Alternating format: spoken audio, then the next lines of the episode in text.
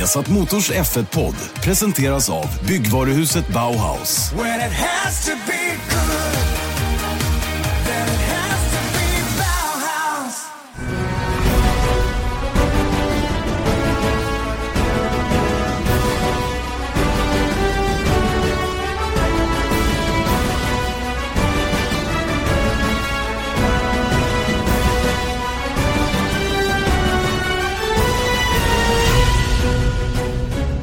Mycket välkomna ska ni vara till en ny Formel 1-podd på Viasat Motor. Formel 1-podden har ni som vanligt på Acast, på iTunes eller på viasatsport.se. Den här podden spelas in eh, torsdagen efter Europas Grand Prix i Baku. Och eh, Erik Stenborg, eh, till att börja med, eh, välkommen till podden. Tack ska du ha. Välkommen till Spanien kan jag säga till dig. Tack så mycket. Inte för att jag är i Spanien. Nej, ja, ja, men vi, vi tar det som det går. Det är liksom inget att, att tjafsa om. Eh, till att börja med så är det dagen för midsommar. Vad ska du göra på midsommar? Jag ska till landet ja. med lite kompisar. Just det. Det är ju eh, en ganska traditionell midsommarfining med andra ord. Kan man konstatera. Inte som din, hemma hos Rickard Rudell. Nej, just det. Jag ska, jag ska fira med Rickard Rudell, ja, det blir toppen. Han är I... en, en, god värd. På Mallorca? På Mallorca. Du försöker hålla det här bakom dig, jag vet inte vad, eller liksom Skäms du över att du åker på semester? Eller? I, inte alls, inte alls. Jag skäms inte över någonting men man behöver inte skylta med allting heller. Nej. Blygsam. Så, en, så enkelt är det. Blygsam är jag. Eh, podden ska inte handla om min semester eller om, om eh, vad vi ska fira midsommar i och för sig utan snarare om Formel 1 och eh, vi har ju ett, ett lopp senast bakom oss som eh, vi snackade upp ganska hårt och, och eh, jag, jag, vet, jag skrev det i bloggen och jag kan berätta det här också att jag pratade med Ted Kravitz efter loppet Ted Kravitz som är, som är flygande reporter hos Sky. Och han och jag vi gick eh, längs med paddocken och så sa ja det där blev inte så bra. Eller liksom det där blev inte riktigt som vi hade tänkt oss.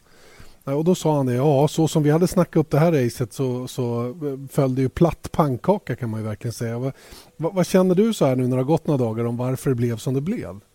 Ja alltså det var ju verkligen, alltså vi, vi gjorde väl samma sak. Men det var ju av liksom, vi var ju ärliga, alltså jag trodde verkligen att det skulle bli, det här kan bli liksom årets race. Och det sa ju Daniel Ricciardo till oss också i, in, i en intervju efter kvalet att här, om det blir någonting som GP2 så kan det här bli liksom bästa racet på säsongen. Och det var kanske GP2 som min tanke runt varför, för det blev verkligen inget bra. Det var, det var ju ett, det var det sämsta racet på säsongen.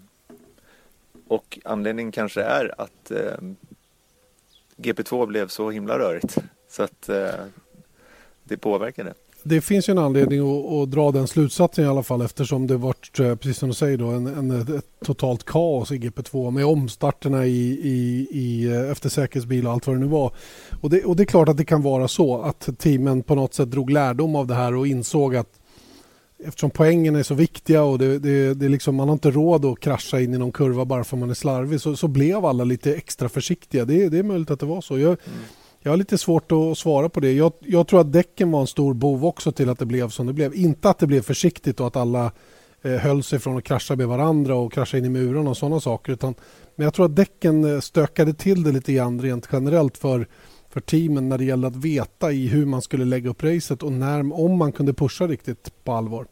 Mm. Men jag tänker ändå på så här, det var liksom lite återhållsamt hela, hela racet kände jag. Alltså, kolla på träningen och kvalet. Där var det också galet. Alltså, det var inte bara i GP2 som det var liksom jättedrag utan det var, jag tror jag räknade till 30 avåkningar i kurva 15 eh, och ingenting i stort sett under, uh, under racet. Det var väl ingen som körde ens av en escape road? Ja, någon enstaka var det säkert. Va? Men, men, men eh, visst, visst är det på det viset att man lärde sig saker under träningen och kvalet också som gjorde att man kanske höll tillbaka då. När det är ett ställe som det här där farterna når 300, nästan 380 km i timmen vart det klockat för till slut mm. eh, på snabbaste stället och, eh, och banan ser ut som den gör så är det klart att man tänker sig för och, och, den kanske största skillnaden mellan GP2 och Formel 1 är ju eh, så att säga inte intelligensnivån på individerna men, men drive, eller vet du, racecraft. Hur mm. man tar sig an racet så att säga och, och hur värdefullt det är ändå att köra vidare och inte hålla på att krascha bort sig. GP2-killarna har eh, de har lite svårt med omdömet emellanåt och det, det såg vi ingenting ja, av. det, det såg vi ingenting av i Formel 1-loppet verkligen. Ja, det var ju också, jag, jag har inte varit så stressad under den här säsongen som under GP2-racet för att ni behövde ju komma ner från, ni behövde ju normalt sett i GP2 tidigare under, eh, under dagen, det är ju på morgonen och sen så då brukar vi kunna förbereda oss lite mer ordentligt inför sändning på eh, senare inför F1 ändå. Och nu eh, skulle det vara slut kvart i ett eller någonting sånt där. Så jag, mm. jag höll på att få panik när liksom fjärde safety caren kom ut och jag bara såg tiden ticka iväg. Alltså jag var nej. Så jag såg åt det att jag inte ens fick eh, kommentera podiet. Nej, visst. Efteråt för att det var, det var för bråttom för att hinna ner till paddock och förbereda. För, för, att förklara lite hur det brukar vara, som du säger då så kör de i GP2 10.30 då normalt sett en Europahelg då eller när GP2 normalt tävlar en, en inom citat vanlig helg. Och eh, då är ju Porsche, Porsche Supercup däremellan och då finns det alltid en, en buffert att hinna med. Mm. Eh, och, och, banda och fixa dona med våra sändningar som vi behöver göra. Så, så det, det blev lite tajt där. Men eh, det löstes ju, som tur är. Det gjorde det. Du, många har skyllt på att banan skulle vara eh, orsaken till att racet blev tråkigt senast. Om vi nu ska använda ordet tråkigt, vilket jag tycker är felaktigt på ett sätt. Jag menar, alla Formel 1-lopp kan inte vara en, en, en, underhållningsfest heller. Jag menar, vem har sett... Eh, vem ser 22 eh, omgångar i en fotbollsserie där alla matcher är bra? så att säga? Det finns inte. Och det är klart Nej, att Formel 1... Då, då kan man ändå säga att det var inte ett speciellt kul... Även om det är liksom... Alla kan inte vara roliga, men det här var ju inte ett av de det var, in, det var inte ett av de bättre, nej. Det kan jag hålla med om. Men jag skulle inte vilja skylla det på banan. Tvärtom. Jag tycker banan var alldeles utmärkt. Vilken vilken häftig, eh, vilket häftigt, eh, vilken sträckning de hade fått till trots att de var mitt i stan i, i Baku. Ja, ombytligheten tycker jag också att det var oerhört snabbt, oerhört brett, oerhört smalt och oerhört långsamt. Alltså det, det brukar vara ganska bra recept och jag tyckte att banan var jag såg någonting där, Alan Prost som tyckte att det var eh, en katastrofbana va? Eh, Själva tv-bevakningen tyckte han var dålig och att det blev liksom ingenting för oss som tittade. Och det, ja, det kanske ja, men vet du vad, det, det, var faktiskt en, en, grej jag tänkte på när jag såg, framförallt när man tittade på GB2, men även under F1-racen att eh, det var liksom sättet man placerar kamerorna för att fånga upp farten är jätteviktigt. Mm. Så att man ser liksom, för att om det är sådana här, det var ganska långa, liksom, de filmar långt ner på en raka och så ser man bilar som kommer emot den och de är låga kamerorna. Och då blir mm. det liksom bara att man ser ju att bilen blir större men man ser inte att den avverkar någon, någon distans egentligen. Ja, man får ingen riktig fartkänsla i ett sånt, eh, ett sånt nej, klipp. Nej. Och, och, det var många sådana ställen, speciellt, jag tror att det var, det gick ju ganska långsamt där förvisso, men in där i den här runt borgen och kurv 70 7, 8, 9. Du, det började faktiskt redan i kurva 4 och sen kurva 5, 6 där det, det såg ut som bilarna nästan stod still. Ja. Och, man, och, man, hörde inte att de var speciellt aggressiva med motorn heller och det kunde de inte vara. Och sen förbi den här borgen som du säger 8, 9, 10, 11. Sen gick det däremot hiskeligt fort eh, förbi 11, 12, 13, kurva 15, kurva 16 och sen så bar mm. iväg ut på den där jättelånga rakan. Jo, men jag tycker ändå inte att så här, jag menar, Bottas noterade 378 km i timmen på långa rakan under kvalet. Men det var inget man riktigt såg, Nej. tycker jag. Okej, man, man, man förstod att, för man visste att det gick fort där på långa rakan, men jag tycker inte att man såg det. Nej. Vilket för, får mig att tänka på det här eh, snacket inför 2017 där mer downforce och bredare däck ska göra liksom bilarna fem sekunder snabbare. Det känns ju ännu mer irrelevant förutom det faktum att bilarna slår varvrekord i år. Eh, jag, liksom, jag är ytterst, ytterst, ytterst tveksam om man kommer se någon skillnad på fem sekunders skillnad i varvtid. Nej men det gör du inte. Det gör du inte. Och det, och det, jag vet att det är massor med folk som tycker ja, tillbaka med gamla motorer. Det, hela den där diskussionen startade igen. Jag såg inte minst på vår Facebook när när Prost-artikeln kom ut att eh, han tyckte si och så. Då var det massor med patentlösningar på hur man ska göra och man ska införa tankning och alla såna grejer. Alla har olika preferenser hur man vill uppleva Formel 1. Det, mm. det köper jag och det respekterar jag. Det finns många som tycker att det ska låta mer eller det ska sladda mer, det ska vara si, det ska vara så. Fine. Men racen i sig blir inte bättre av sådana förändringar. Racen är bra som de är idag. Sen är kanske ja. upplevelsen som man har runt omkring och, och hela helhetsbilden kanske varierar beroende på vem man är som person. Men, men eh, det här med att det ska gå fortare, att varvtider skulle göra saker och ting bättre, det har ingenting Nej, med men saken att Inte göra. för upplevelsen heller. Alltså, Nej. det kommer verkligen inte... Jag menar, nu när man såg att så här, okej, det går ner nästan 380 km i timmen. Det är liksom. Indycar, eh, liksom rundbane eller ovalbanehastigheter på en stadsbana förvisso brett, men jag fick inte den fartupplevelsen där. Och varför ska jag få det? Och då menar jag inte heller att man, att man liksom ska lura folk att tro att det går fort, men det, det gör ju en tv-produktion gör jättemycket för upplevelsen också. Mm. Du, så att vi- bara med bättre liksom, eh, kameraplaceringar så tror jag att det kommer bli liksom, en helt annan känsla runt den banan. Vi har ett annat exempel som är ännu bättre egentligen när det gäller just det du påpekar här och det är Formula E. Eh, Form, Formula E när det startade, jag gjorde ju de första racen där och kommenterade dem och satt och tittade och tyckte att va, det gick ju så sakta. De gjorde inte ens 200 rakt fram. Och, och, och det hade väldigt mycket att göra med hur, för då hade man placerat kamerorna på ett konventionellt sätt så som om det vore ett, ett vanligt formelrace där det går bra mycket fortare. Och eh, jag vet jag pratade med Eje om det och han sa direkt så här, men de måste ju ändra på kameraplaceringen. De måste ju ge oss en annan upplevelse av racet om vi ska kunna kolla på Formula E med de farterna som den bilen erbjuder. Och idag när de har justerat till det där så är ju det rock'n'roll hela tiden.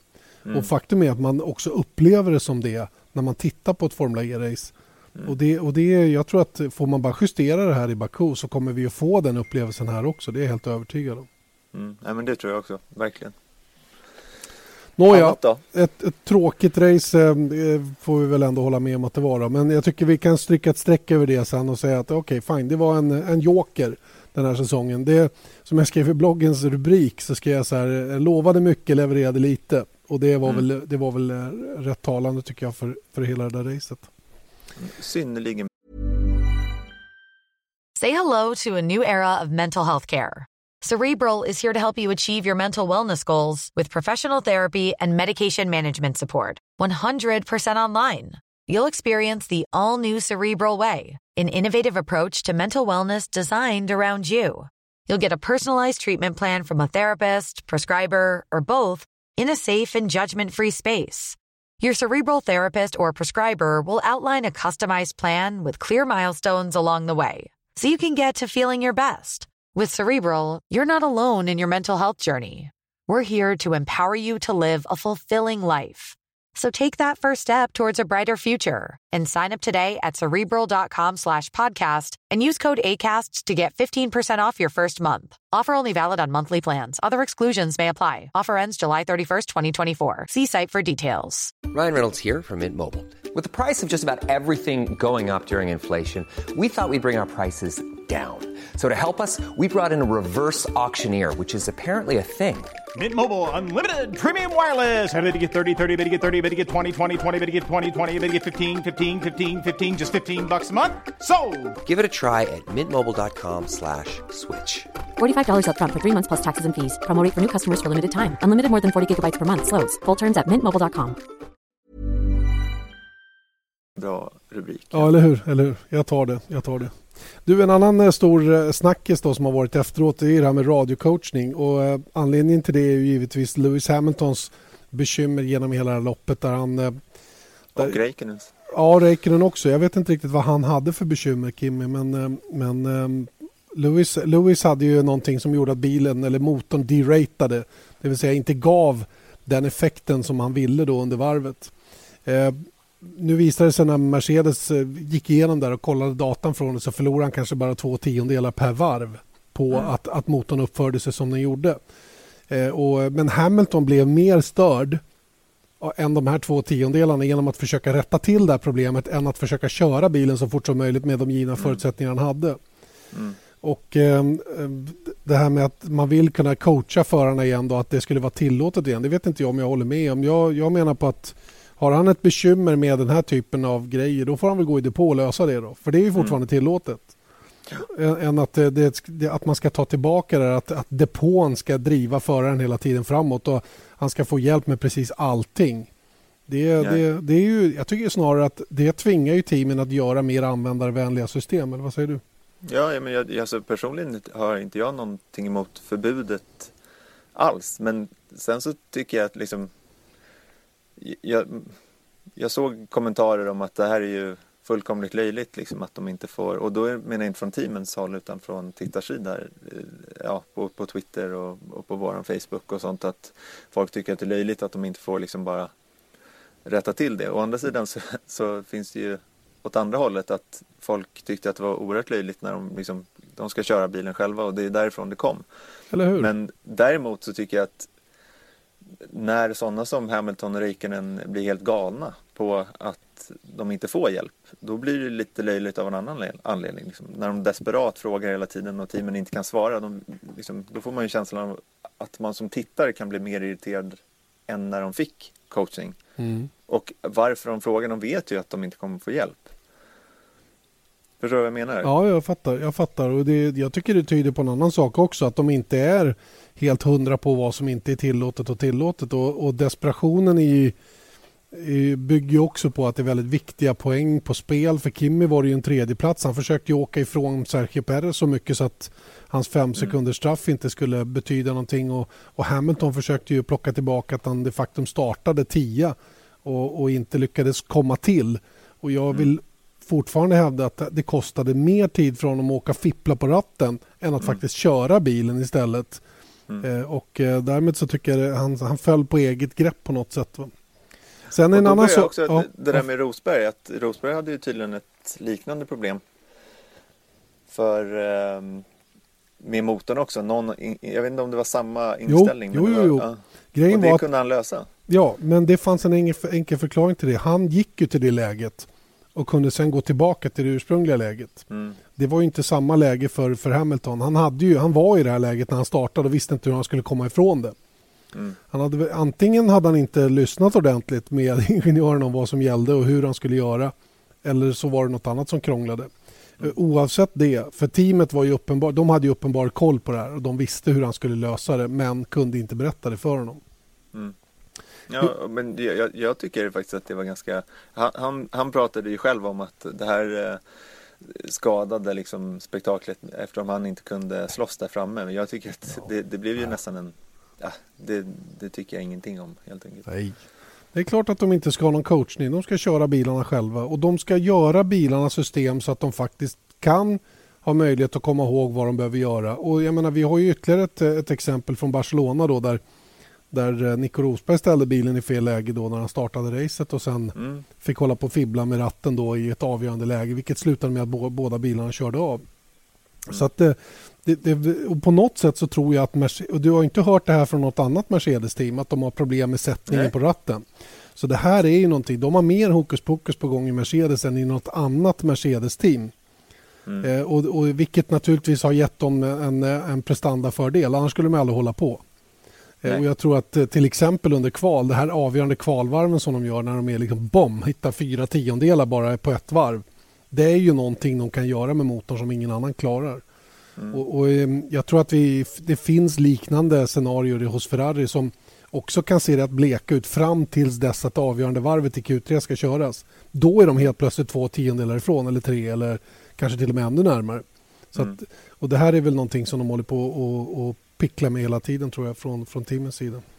Jag tycker i och med att det finns en viss debatt då med att eh, Rosberg lägger ner tiden och eh, Hamilton åker sitt, eh, det är lite så slitet eh, diskussion tycker jag men att eh, Hamilton åker till ja, Los Angeles och går på någon gala istället. Det, det, det öppnar i alla fall upp för hans egna del att lägger han ner jobbet. Liksom. Mm. När, när det blir så, även om det var olika situationer för de båda så är det ändå så att så här, jag vet inte hur mycket rattfunktioner han pluggar på fritiden. Nej, Nej men det är ju, och där har du ju simulatorn som man dissade hårt inför mm. Baku. Han sa att ah, simulator det är inte bättre än ett tv-spel. Ja, men det kanske inte är rent körmässigt men det finns andra fördelar med simulatorn som du skulle mm. kunna använda dig utav om du bara orkade köra den så att säga. Om du hade liksom den gnistan. Va? Och vi vet att det, ja, nu vet, jag vet som sagt inte vad Kimi hade för bekymmer. Vet du vad det var? Nej, jag, Nej. jag, kommer, jag, bara, jag minns bara att han ja. skrek. Jag bara, ja. It's a joke. Ja. You can't, surely you can tell. Ja, någonting sånt. Han var irriterad över någonting. Men, han har inte heller varit känd för att vara någon flitig användare utav, utav simulatorn. Men nu tror jag i och för sig att han gör det. Använder simulator om det, om det krävs och så vidare. Men, men oavsett det så Nej, någon mer coachning ska de inte ha. Det är min uppfattning. Du, äh, depåstopp, en annan sak som, äh, som äh, faktiskt kom upp lite grann på agendan efter senaste racet. Äh, troligen har världens snabbaste depåstopp gjorts, om vi får tro Mm. Williams. Mm. 1,89 sekunder. Mm. Fyra hjul. Det är bra. Plus lite är- justeringar på framvingen. Ja, alltså det är helt sjukt. Ja, Alltså om man faktiskt. räknar två sekunder Mm. så går En, det knappt Två. En, borta. Liksom. två. Sen är det klart. Mm. Mm. Och då, är de, då har de stannat där. Alltså det är ju stillastående tid. Så att egentligen går ju själva stoppet liksom ännu fortare. Kommer ihåg Eje där i Bahrain när vi gjorde det reportaget när eh, han skulle ta av vänster fram. Och eh, det hade vi ju, det var ju med i det reportaget men bara han, han skulle ta av vänster fram. Och den kill, det var ju liksom alla visste ju att det var tv-inspelning på gång liksom. Men då, det var ganska kul ändå att se han som skötte eh, mutterpistolen. Efter första gången som eh, Eje tar av hjulet, han bara You were to- too slow on the left front. Alltså, han blev alldeles upprörd liksom bara på Fast det var liksom en ploj, plojgrej liksom. Så Mm, det är serious business. Ja, men det är det ju. Och jag menar, göra det på 1, säg vi, vi, om vi rundar av då. Att göra ett depåstopp på två sekunder eller på tre och en halv. Den differensen är inte ovanlig. Williams gör nästan uteslutande sina depåstopp på två till två och en halv sekund. Mm. Uteslutande varje gång. Ta ett team som Sauber, de ligger på mellan eh, tre och en halv och fyra sekunder varje gång. Mm. Och är det en tät fight på banan då skiljer de här, de här två sekunderna kan vara avgörande, väldigt avgörande. Så jag förstår att de lägger ner mycket Mm. jobb på det. Man undrar lite grann vad, vad de andra teamen gör nu när de ser att Williams är så fruktansvärt snabba. De har ju toppat den här listan tror jag. Har vi kört åtta race? Har de gjort det varenda gång? Ja, Varenda gång har de varit högst upp. Det är Ja, ganska det, är gry- det är grymt det är inte så imponerande. Vad har Verkligen de för eh, verktyg? Liksom? Äh, de har Patrik Gustafsson, det måste ju vara det. Ja, det måste vara det. Måste vara det. En svensk mekaniker på vän, hög, vänster höger fram någonstans. Ja, Det- inte på höger fram Ja. tror jag. Ja, Nej, jag vet inte. det måste vara det avgörande. Ja, men Hur jag, som helst. Tänker, jag vet att de höll på med vet, färre gängor och sånt där på muttrarna och sånt där. Men nu, nu måste det ju vara någonting eh, extraordinärt. De måste ju ha någonting. Mm. För att komma tillbaka till det här med gänger, det var ju faktiskt en väldigt, väldigt diskussion ett tag. För de flesta har nu bara tre gängvarv på muttern. Tre Mm. varv innan de Mm. drar fast hjulet. Och sen är det någon fast eh, anordning som måste fixas. Eller det ingår väl i... Muttern sitter numera fast på fälgen med en hylsa på baksidan. Den hylsan kan ibland lossna, det har vi sett. Och då när man tar av hjulet sitter den där hylsan kvar på, på hubben och då får man inte på nästa hjul. Det åkte ju Marcus Eriksson dit på förra året i Bahrain till exempel. Mm. Eh, Så att eh, det finns mycket som kan gå fel i de här depåstoppen och värmen som utvecklas där kan stöka till det och allt vad det nu är. Så det, det är klart att det finns massor de kan göra och framförallt är de ju, verkar de ju vara oerhört väldrillade. Det, förmodligen kan det vara hur man höjer bilen fram och bak också, hur snabbt det går Mm. att släppa ner och skicka iväg och skicka på grönt ljus för föraren att åka iväg. Det, det är säkert en massa olika detaljer. Vi får försöka Mm. gräva ner oss i det där med Williams kanske. Nej men det vore kul och de kommer säkert inte avslöja så mycket. Men det vore kul faktiskt att veta så här, vad, vad, är, vad är deras grej liksom. För att det är, ju- är man snabbast i åtta race i Ja, rad. då, då gör man då har man ju speciellt. någonting liksom. Ingen tvekan. Snabbast kanske inte Bernie Eccleston är, Erik. Han, ehm, han börjar bli lite till år nu, 86 år va? Är det så? Ja, tror Jag det. tror att han är 86. Det har kommit fram nu att han, ehm, eh, ja, eller att FIA har någon form av vetorätt på eventuell ersättare. Problemet är väl att de inte har någon ersättare till Bernie Eccleston ännu. Va? Men Mm. är man 86 år då vet ju alla vad som kan hända. Man kan ju bli sjuk imorgon. Mm. Man kan bli riktigt sjuk, man kan råka ut för en hjärtattack, man kan få en stroke, man kan bli... Ja, det finns många olika saker som gör att en människa som är 86 år kan bli eh, inkapaciterad, att man inte kan jobba som vanligt så att säga. Och det vore intressant att veta vilken typ av beredskap som finns för det här, för Formel 1 och, och vilka eventuella ersättare som finns. Va? Eh, Jag kan på ett sätt tycka det är lite oroande att det, är så, eh, att det här är höljt i dunkel. Eh, Vi vet ju när vi har pratat med Dieter Renken tidigare att han, han menar på att Formel 1 har ingen succession order som det heter. Då. Ingen ersättare klar. Eller det finns ingen tydlig, tydlig dokument att det här händer om Björn Eckeston inte kan fortsätta.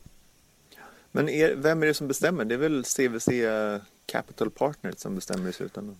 Ja, alltså det är väl någon form av kombination med alla de här ägarna till tv-rättigheterna eller de kommersiella rättigheterna till Formel 1. Men där är ju CVC Capital Partners, de är ju majoritetsägare mm. eh, som jag förstår det till alltihopa. Då. Men någonstans måste de väl gemensamt komma fram till. Men varför vill inte Bernie på något sätt ha det här klart? Jag är i alla fall, när man har pratat med Eje när man har pratat med Eje lite grann som har bättre koll på den här gubben än vad jag i alla fall så säger, de, säger han åtminstone att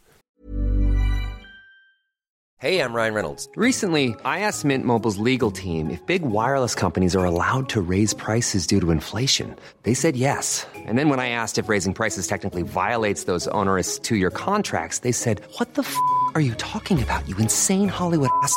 So to recap, we're cutting the price of Mint Unlimited from $30 a month to just $15 a month. Give it a try at mintmobile.com slash switch. $45 up front for three months plus taxes and fees. Promo for new customers for limited time. Unlimited more than 40 gigabytes per month. Slows. Full terms at mintmobile.com.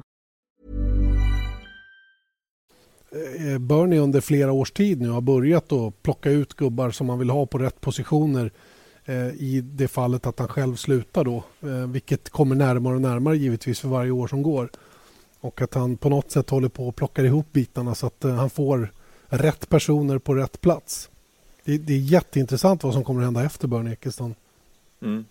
Ja, men alltså, men det, det, liksom det faller någonstans på sin egen orimlighet att det inte skulle finnas någon tanke om det. Ja, att, för jag menar, det, det är inget så här litet så här familjeföretag, liksom familjeföretag i eh, någon förort någonstans utan det är liksom ett globalt företag som ägs av CVC och eh, FIA intressant, eh, är ju absolut en intressent i det. Mm. Och det är ingen liten organisation heller så att jag menar det måste finnas någon, någon tanke runt det. Men därför är det ju ännu konstigt att man ser ingenting och man hör ingenting heller. Det finns ju knappt liksom, det, det var väl jag tror att vi pratade om det här för ett tag sedan att liksom Christian Horner och sådana där var det, det, det liksom kom upp några namn för mm. Men det var ju några år sedan. Men sedan dess har jag inte, jag har inte hört ett ljud. Nej, det finns några namn som jag känner spontant skulle kunna vara alldeles utmärkta för den positionen. Vi, jag vet att andra lyfter namnet också. Eh, Ross Braun till exempel. Mm. Eh, Alain Prost var det någon som nämnde för inte så länge sedan. Varför inte? Alain Prost vore väl alldeles utmärkt på den positionen skulle jag kunna tänka mig utan att veta någonting om hans business skills så att säga. Då, för det måste man ju ha. Det gick, det gick inte så bra för Prost Grand Prix team. Nej, så att jag det är i och för sig sant. Nej. Där fick jag faktiskt lite så här, jag, jag, är inte så himla säker på Prost faktiskt. Han har Nej. säkert respekt men jag vet inte om han har, eh, jag menar, jag har ingen anledning att miss, alltså han är säkert bättre på business än vad jag är men, men eh, liksom, man har inte sett så mycket.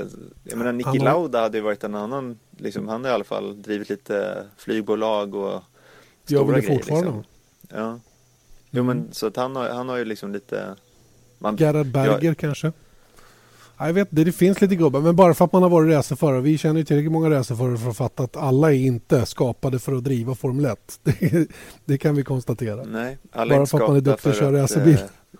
Att, att, att skaffa sponsorer ens. Nej. Du förstår vad jag menar.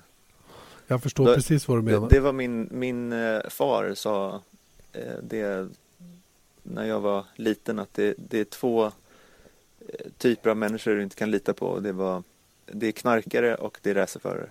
Mm. För det är lite fula, fula fiskar i den här branschen. Fula fiskar i den här branschen, ja. Helt sant. Ja, ja, vi får väl se vad som händer.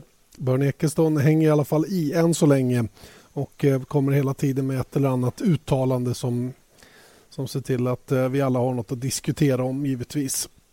En annan som ger oss eh, utrymme för diskussioner är ju Kimi Räikkönen givetvis. Jag såg att de hade gjort den här Grill the Grid med honom ja. här. Ställt lite frågor till honom. Och på han hade rätt, Just det, han hade ganska bra resultat på den där. Han drog ju på munnen flera, flera gånger faktiskt i den lilla intervjun. Då. Och Marcus Eriksson han replikerade direkt och sa att men vadå, han fick en miljon gånger lättare frågor än vad jag fick. Ja, men Typiskt. om man ska gå på den där, äh, ni borde faktiskt, äh, om ni inte redan sett dem, så gå in och kolla på dem. Grill the Grid och det är så här, ja, personliga frågor om, äh, om den specifika föraren då. Men jag mm. tycker mm. faktiskt att eh, Erikssons frågor var inte så lätta. Alltså. Nej, de var betydligt svårare än de Kimmy fick i alla fall. Ja. Ja, Kimi fick tror jag, åtta rätt av tio möjliga. tror jag. Eller om det var sju. Sju, sju och en halv tror jag. Sju och en halv, Sju, sju sju var det. Sju. Ja. Och Mackan hade fyra och en halv. Ja, han fick eh, bland annat en fråga eh, som han svarade fel på då. Men var, eh, varför, var är Maurizio Arrivabene ifrån? Och han sa Just det, Italien. Italien. Men Det var ju begåvat. Mm. Ja, ja, men det var ju ganska Ja, bra. men det ligger ju i Italien, sa han. Ja, Så det måste ha haft rätt. Nej, sen missade han faktiskt att Heikki Kovalainen hade vunnit ett race. Så det tycker jag ja var lite det, kul. den tänkte jag på faktiskt också. Ja. Att, eh, det blir lite så här konstig diskussion här för de som inte har Mm. sett det. Men, men vilka finländare har vunnit eh, race i Mm. Formel 1? Och då så tog han ju Keke Rosberg, Mika Vilka Häkkinen. tre andra? Vilka tre andra? Tre andra, ja. Tre andra. Mhm. Ja. Och han glömde Heikki Kovalainen. Han såg lite Mm. skamsen ut faktiskt. Nej, men vet du vad han sa? Han sa ju Rosberg två gånger och det har han i och för sig rätt i. Ja, just det.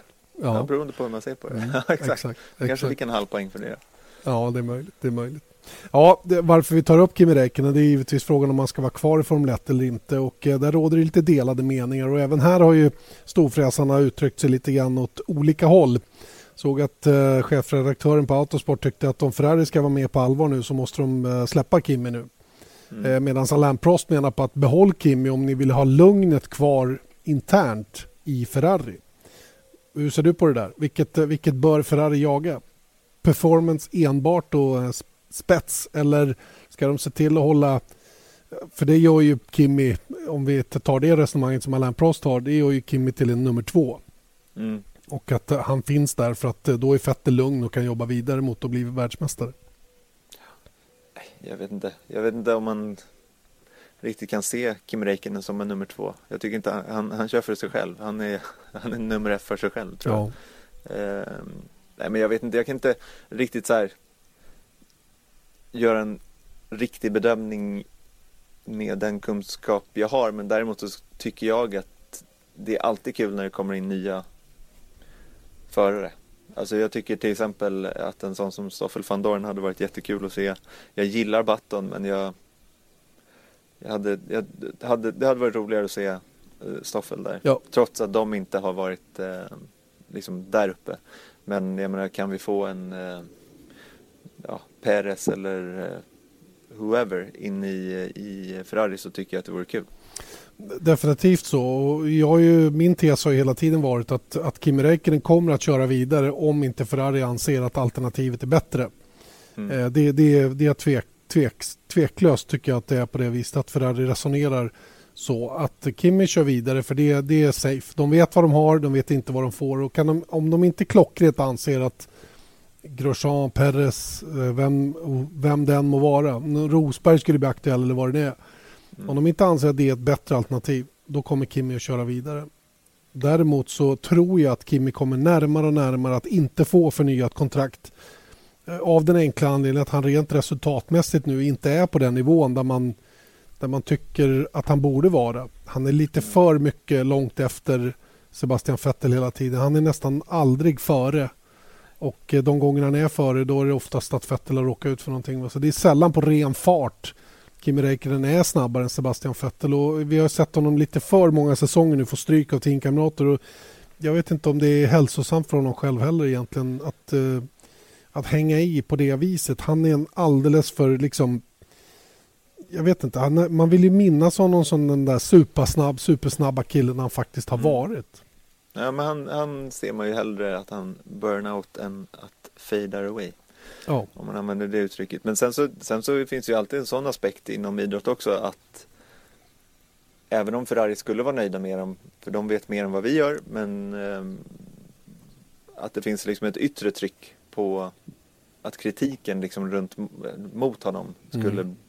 Bli så att de, de kanske, de, vad vet jag, men de kanske känner liksom att så här, men vi kan köra, köra vidare men får vi kritik för att köra vidare med honom så kanske vi lika gärna skiter i det. mm. Däremot så finns ju fortfarande den där grejen att man får inte upplevelsen av att Ferrari tar sådana beslut liksom av vad andra tycker. Nej, jag menar, tror att yttre opinion det är det minsta de bryr sig om egentligen. Mm. Om det inte är egna högsta chefen som säger någonting. Men de, för dem är, för dem är, för I Ferrari är ju teamet alltid störst. Förarna kommer alltid i andra eller till och med tredje hand. Eh, Så, så kommer det alltid att vara. Va? Däremot är de ju väldigt resultatinriktade och det är väl det som kanske gör att Kimi får svårare och svårare att hänga kvar i den här högsta mm. nivån så att säga. Och han har ju själv varit tydlig med att så länge, förlänger de inte, ja då slutar han. Så enkelt är det. Mm.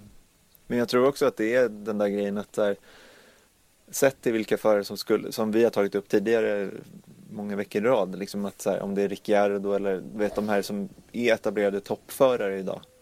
Då är det liksom, jag känner mer och mer och det är fortfarande bara magkänslemässigt men att vinner Rosberg VM då kanske han släpper Mercedes för att typ bara komma bort från, eh, från Hamilton om inte annat. Men mm. jag vet inte liksom om sett till formen som Red Bull har nu och eh, liksom om Ricciardo ens skulle vara intresserad. Skulle han liksom, han, han vill vinna tror jag.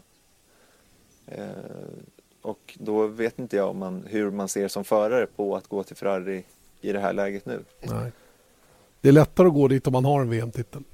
Ja, men då är det liksom så här att, ja, och sen så vill jag också köra för, jag vill vinna VM och jag vill köra för Ferrari mm. och helst både och. Men... Så ser jag en, en flytt för Rosberg till exempel. Ja. Men eh, frågan är om han hinner säkra VM-titeln innan han måste bestämma sig. Om han ens är aktuell. Det vet vi ja. inte, men det kan vi vara rätt säkra på att han för samtal med Ferrari i alla fall. Men det kanske är därför det dröjer lite också. Mm. Att eh, man vet inte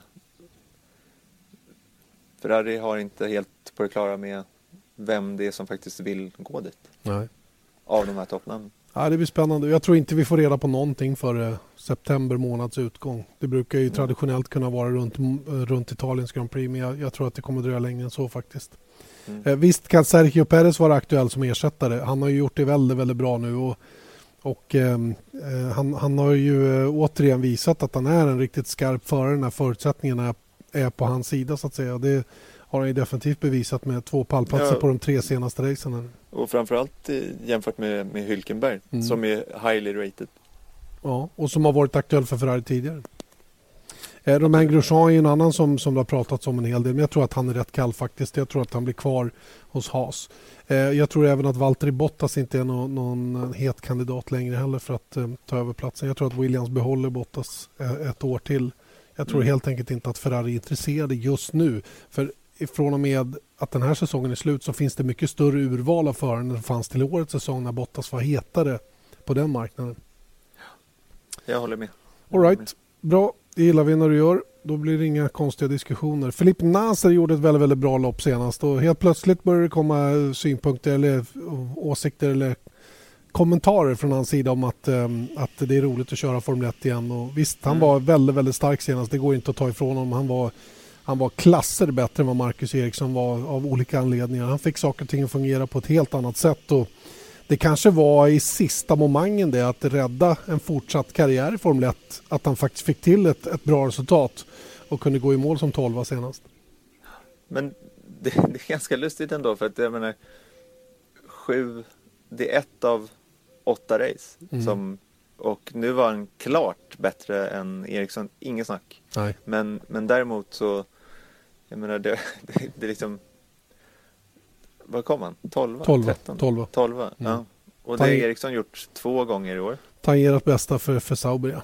ja. Men Eriksson har två tolvteplattor också. Då, då liksom, vilken skillnad. Mm. Och vi pratade mycket om, om eh, i sändningen inför racet i söndags om, eh, om formtoppar och styrkeförhållanden in, inom teamen.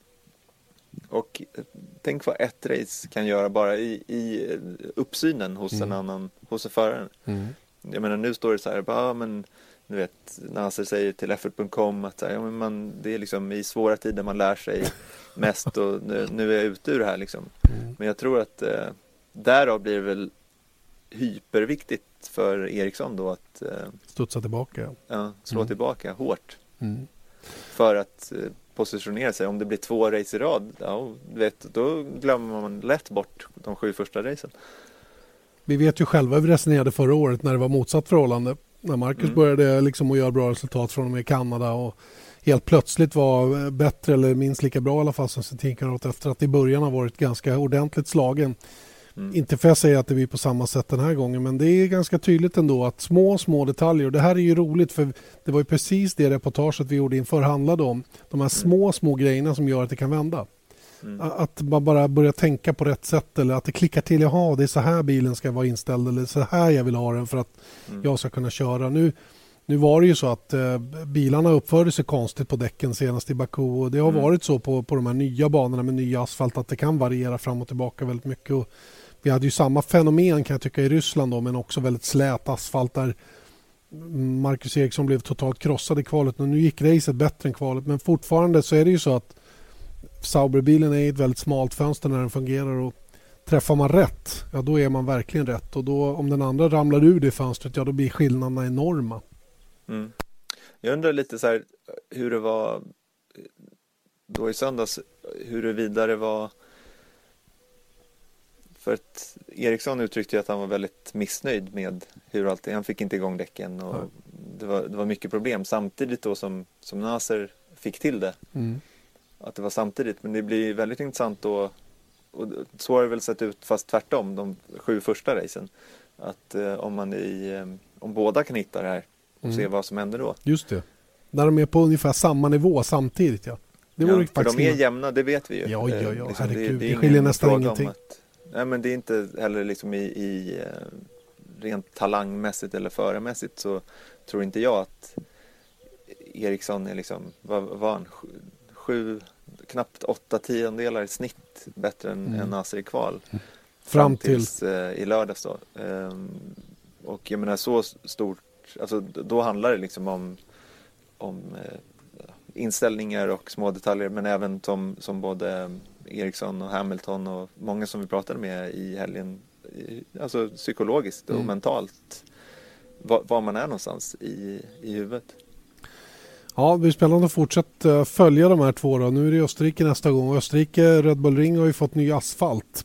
Och eh, Mm. den asfalten var enligt Mattias Ekström som var där och körde DTM det bland det slätaste han har kört på någon gång. Det har inte riktigt varit Marcus melodi faktiskt att få Ultrasoft att fungera till att börja med på det sättet han vill och dessutom få det att funka på en sån här slät och fin bana. Han, han, han vill ha lite mera, ja, mera konventionellt grepp så att säga då, om vi kan kalla det det. Ja, det har inte varit toppen för Sauber heller. Nej, rent Alltså, generellt så saknar ju bilen downforce och när den gör det, ja då halkar den mer över asfalten och, och då startar graining eller ja, man får inte däcken att fungera som man vill helt enkelt. Mm. Du, eh, det är ju dagen från midsommar så vi ska inte blaja för mycket här. Eh, Det är roligt att prata. Vi ska avrunda med att eh, ta itu med vår tippning från senaste racet. Mm. Eh, Vi tippade ju vi tippade pole och vinnare och högsta toppfart, va? var det inte så? Japp. Och jag har för mig att jag tippade Lewis Hamilton i pole och Yes. Sebastian Vettel som vinnare. Kan Det var fel. Det var fel. Det var inte rätt på, på något område. Jag tippade 342,5 km i timmen i toppfart. Och, På eh, Verline, ja. på Wehrlein, ja. Och eh, det var ju då eh, över start och mål får vi väl säga då eftersom det var så. Ja, det, det där är ju lite så här, va- var, var mäter vi Ja. någonstans? Det är ju också en intressant fråga. Det är lite olika på olika banor. Just här var ju speedtrappen långt tidigare än start och mål och den högsta farten noteras över start och mål. Mm. Så att vi, vi får väl ta det vid speedtrap då. Den här gången. Och speed, speedtrap, högsta fart i race, det är också en sån fråga. Mm. Det, det här var en dåligt formulerad Ja, eh, tippning känner jag. Det, det här måste vi bättra på oss. Men Hylkenberg körde 340,2 i speedtrappen. Verline hade 328,2. Ja, du ser. Jag är inte ens Och- nära. Jag som tog Eriksson då eh, snabbast var på 332,9. Mm. Därav kan jag konstatera att jag var närmast. Du vinner. Du vinner den. Eh, toppfarten var ju som sagt då i kval 378 eller 376,8 eller någonting. Eh, närmare 380 km i timmen i alla fall för Valtteri Bottas. Eriksson hade i racet med bra tow över start och mål 360 km i timmen. Mm. Det är rätt bra faktiskt. Vad hade de i Mexiko? Det var väl där de... Där var, det- eh, där var det 360 någonstans eh, plus. Men då var det med Monaco-konfiguration på, på vingarna. Ja, just det. För att det är så tunn luft där uppe. Ja. Eh, sen har vi ju då eh, helgens förare då, respektive helgens Maldonado. Vi kanske, vi kanske em, byter ut Maldonado den här gången. Ja, men vet du, jag, jag har uh, funderat på det här och jag tycker att Maldonado säger för mycket. Ja. Liksom. Då, då är man liksom lite klantig och det Mm. behöver inte kanske vara det som är... Nej, Och jag tänkte på eh, racets Taki Inoue, men det är nästan lika... ja det är taskigt. Ja, men det är nästan samma sak som Maldonado. Just det. En annan Så som vi var behöver någon hyfsat bortglömd tror jag. någon långsam. Bador kanske. Luca Bador. Luca Badoer. Han var inte så snabb. Han var i var inte han trea någon gång i Minardi innan han, innan han Ja, motorn ja. rök och han började gråta? På Nürburgring. Just Han, han var väl sist i och för sig tror Ja, jag. ja. Han var fyra eller någonting sånt där. Just det. Och så bilen packade ihop innan målflagg precis då han stod och lipade lite vid sidan av banan. Vi, tar, vi, tar, vi tar Luca Badvar, det blir bra. Nej vänta, vänta, jag har den, den perfekta. Tarso Marquez. Nej, Ra- Ralph Furman. Ralph Furman, var han långsam? Ja, det kanske han var. Ja, man behöver någon som är hyfsat bortglömd, som Ja. liksom inte gjorde, Just behöver det. inte säga så mycket. Nej, Ralph är Furman. Ralph Furman. Eh, Helgens Ricardo Ralph Furman. Rosett. Just det, Ricardo Rossetti namnet. Ja, men vi håller oss till Furman. Vi tar Furman. Furman. Han körde för Jordan. Ihop med Thiago Monteiro va? Mm. Tror jag att det var. Det var inte ett av de bästa åren i, i Jordan. Nej. Var väl ett av de avslutande innan teamet la ner sin verksamhet eller bytte namn, bytte skepnad. Mm. Skitsamma ärligt talat. Ralph Furman, veckans Ralph Furman. Veckans förare och veckans Ralph Furman. Ja. Okej, Erik. Vem Men var ska vi inte veckans... ha någon till, förlåt, ska vi inte ha någon som kanske Ayrton Senna? Ja, veckans Senna och veckans Furman. Så får det bli Ja, då. Okej. bra. Då frågar jag dig, vem, vem var veckans Furman? Nej, ve- veckans Senna menar jag. Eh, alltså Rosberg var ju stark. Mm. Men det var ju liksom lite den här, det var inte så spektakulärt. Jag, jag, jag tar Perez.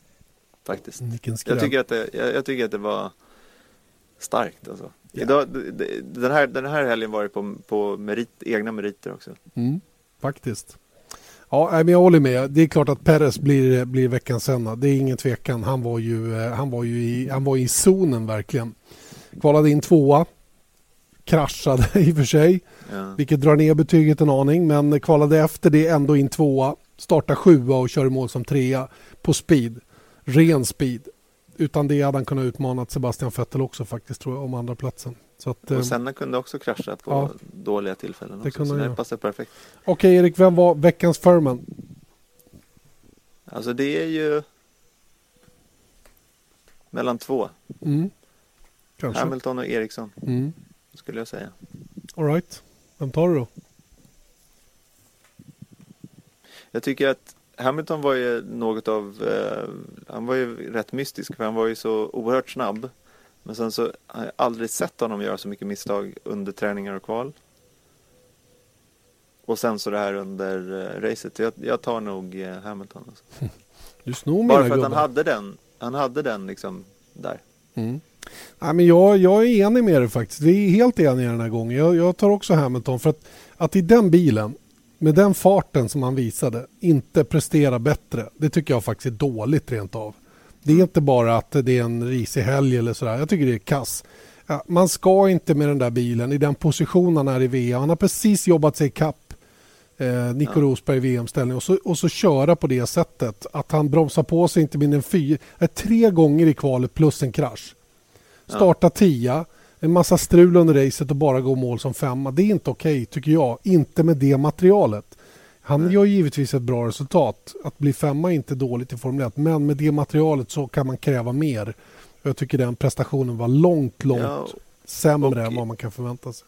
Och inte minst vägen dit heller. Mm. Det var stökigt. Ja, Å andra sidan så var Eriksson inte imponerande heller. verkligen Han, inte. han, han var ganska Förmen-esk. Ja, det var han. Det var han. så. Ja, han, får, han får verkligen tugga i det. Vi får säga det till Marcus nu, för jag, jag hoppas han lyssnar på det här nu och säger att det där var på vippen att bli Mm. veckans förman. På vippen. Mm. Det här är sista chansen. We give him some slack. Re, res dig nu. Just det. Upp på barriären. Men apropå det, jag tänkte på att eh, Perez eh, startade sjua. Att jag såg att eh, Rickard Rydell tweetade någonting om att de tre senaste just racen det, just så har Etta, pallen etta trea, sjua. etta, etta, trea, sjua. Mm. Så du ska kva- kvala etta, trea eller sjua för Mm. att hamna på pallen i Formel 1 nu. Det är bra. Numera. Det är så det är. Toppen Erik, jag är jätteglad att du tog dig tid så här dagen innan midsommar och eh, vi eh, tar och rundar av den här podden med det här eh, ganska tramsiga resonemanget om veckans Senna respektive veckans Förman men det är alltid kul att, att komma med lite sådana små utlåtanden. Sen öppnar det upp för andra att diskutera om det givetvis. Eh, önskar dig nu glad midsommar. Detsamma. Och hälsa Rickard. Det ska jag göra och så hörs vi om en vecka igen. Ha det bra, ha det bra. Hej hej! Vesat Motors F1-podd presenterades av byggvaruhuset Bauhaus.